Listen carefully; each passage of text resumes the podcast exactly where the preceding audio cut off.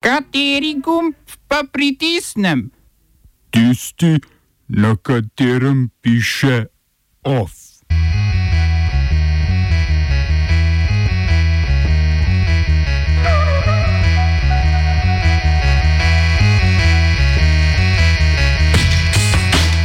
Afganistanska vlada in talibi bližje sklenitvi premirja. Iran inšpektorjem Mednarodne agencije za jedrsko energijo prepovedal dostop do jedrskih objektov. Britanska vlada odobrila cepivo BioNTeka in Pfizerja proti COVID-19.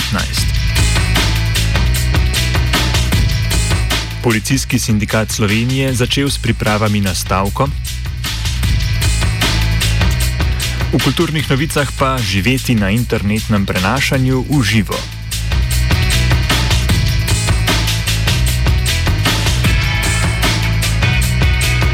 Dobr dan. Afganistanska vlada in predstavniki talibov so dosegli predhodni dogovor o nadaljevanju mirovnega procesa v državi. Sploh prvi pisni dogovor med sprtima stranema v 19 letih, kar traja vojna od ameriške invazije na Afganistan, je rezultat mirovnih pogajanj, ki v katarski predstolnici Doha potekajo od februarja. Združene države Amerike so se takrat pod pogojem, da med afganistansko vlado in talibi pride do dogovora o delitvi oblasti, sporazumom zavezale k umiku ameriške vojske iz Afganistana v 14 mesecih. Do sedaj se je v ZDA vrnilo 8 od 13 tisočih vojakov stacioniranih v Afganistanu, pred koncem mandata predsednika Donalda Trumpa pa naj bi jih domov prišlo še dodatnih 2000. Po podpisanem sporazumu bodo afganistanska vlada in predstavniki talibov prešli k bolj vsebinskemu delu pogajanj, pri katerih bo najpomembnejši cilj sklenitev dolgotrajnega premirja.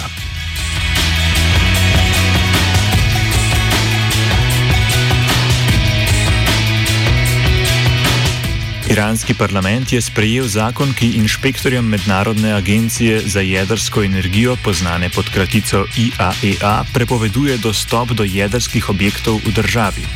Zakon predvideva tudi ponovno bogatenje urana na raven 20 odstotkov in namestitev naprednejših centrifug za bogatenje urana, če ne pride do omilitve sankcij, ki, jih proti, Iranu, ki jih proti Iranu vodijo Združene države Amerike. Te so se v mandatu predsednika Donalda Trumpa odmaknile od diplomatskega pristopa Baracka Obame in leta 2018 enostransko odstopile od jedrskega sporazuma.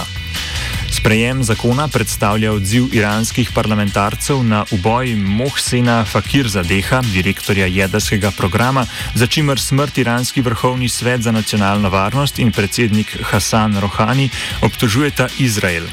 Rohani sicer velja za bolj zmernega in naklonjenega reševanju iranskega jedrskega vprašanja po diplomatski poti kot parlament, v katerem prevladujejo konzervativni poslanci, ki nasprotujejo preomenjenemu jedrskemu sporazumu podpisanemu leta 2015. Sporazum določa, da lahko Iran bogati uran do 3,67 odstotka kar zadostuje njegovi uporabi za proizvodnjo goriva za jedrske elektrarne, preprečuje pa razvoj jedrskega orožja, za katerega je potreben 90-odstotni obogateni uran, ki pa se ga z ravni 20 odstotkov doseže relativno hitro. Po odstopu ZDA iz porazuma je Iran julija lani uran obogatil do 4,5 odstotka in s tem prekršil zgornjo določeno mejo, trenutno pa naj bi po ocenah IAEA e stopnjo obogatenosti urana zvišal na okoli 5 odstotkov.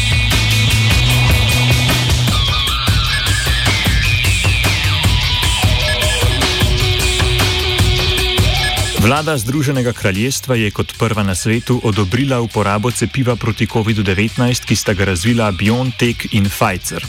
Britanska agencija za regulacijo zdravil in zdravstvenih izdelkov je cepivo nemškega biotehnološkega ter ameriškega farmacevtskega podjetja namreč označila za varno, cepljenje pa se bo tako začelo že naslednji teden.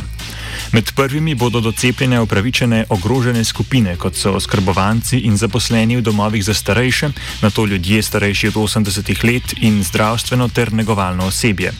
Velika Britanija je naročila 40 milijonov odmerkov cepiva, ker pa človek za dosego imunosti potrebuje dva odmerka, to zadošča za cepljenje 20 milijonov ljudi. Ministr za zdravje Matt Hancock je zasluge za hitro odobritev cepiva pripisal Brexitu, zaradi katerega se je Združeno kraljestvo izognilo postopku preverjanja cepiva Evropske agencije za zdravila, krajše EMA. Pri tem je pozabil omeniti, da je BioNTechov razvoj financirala Evropska unija.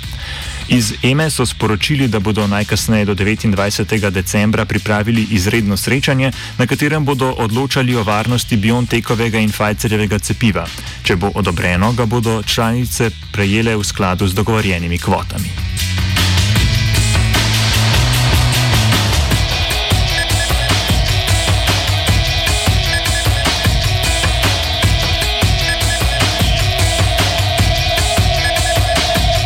Francoska vlada je začela obsežno akcijo preverjanja mošej, za katere sumijo, da so prizorišča verskega ekstremizma, je sporočil notranji minister Gerald Dermanan.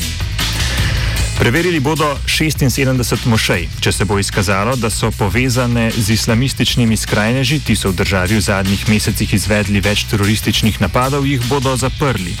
Obenem so na podlagi suma o radikalizaciji iz države izgnali 66 migrantov brez osebnih dokumentov.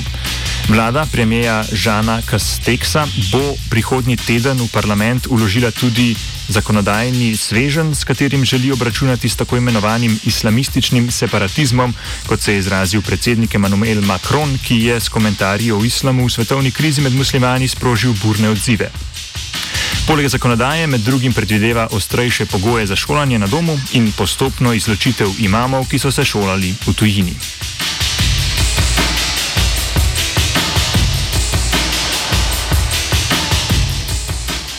Oba, če, če bom odgovoril na angliški. Slovenija will try to help. We can Slovenija will and we will do our utmost To say that the situation is our problem ourselves. and uh, We will make further steps as soon as the conditions are. bomo vlado Marjana Cererja, Mira- Marjana Cererja Šarca podprli. uh, very, very serious.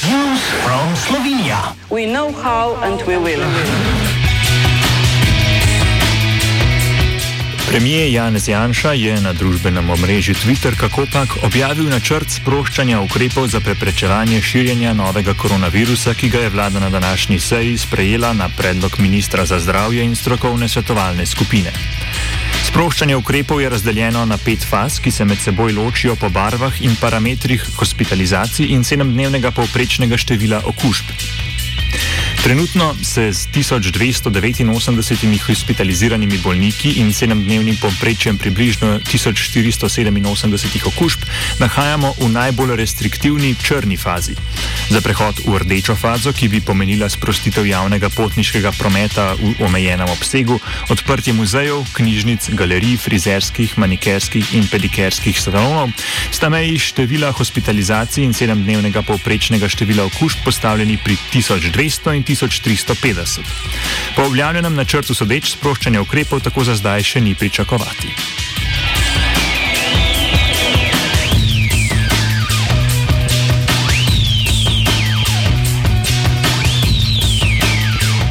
Policijski sindikat Slovenije je začel s pripravami na stavko. Svet sindikata je na četrti korespondenčni seji namreč soglasno ugotovil, da vlada neposredno krši drugo točko sporazuma o razreševanju strokovnih zahtev, s čimer so izpolnjeni pogoji za napoved stavke v policiji.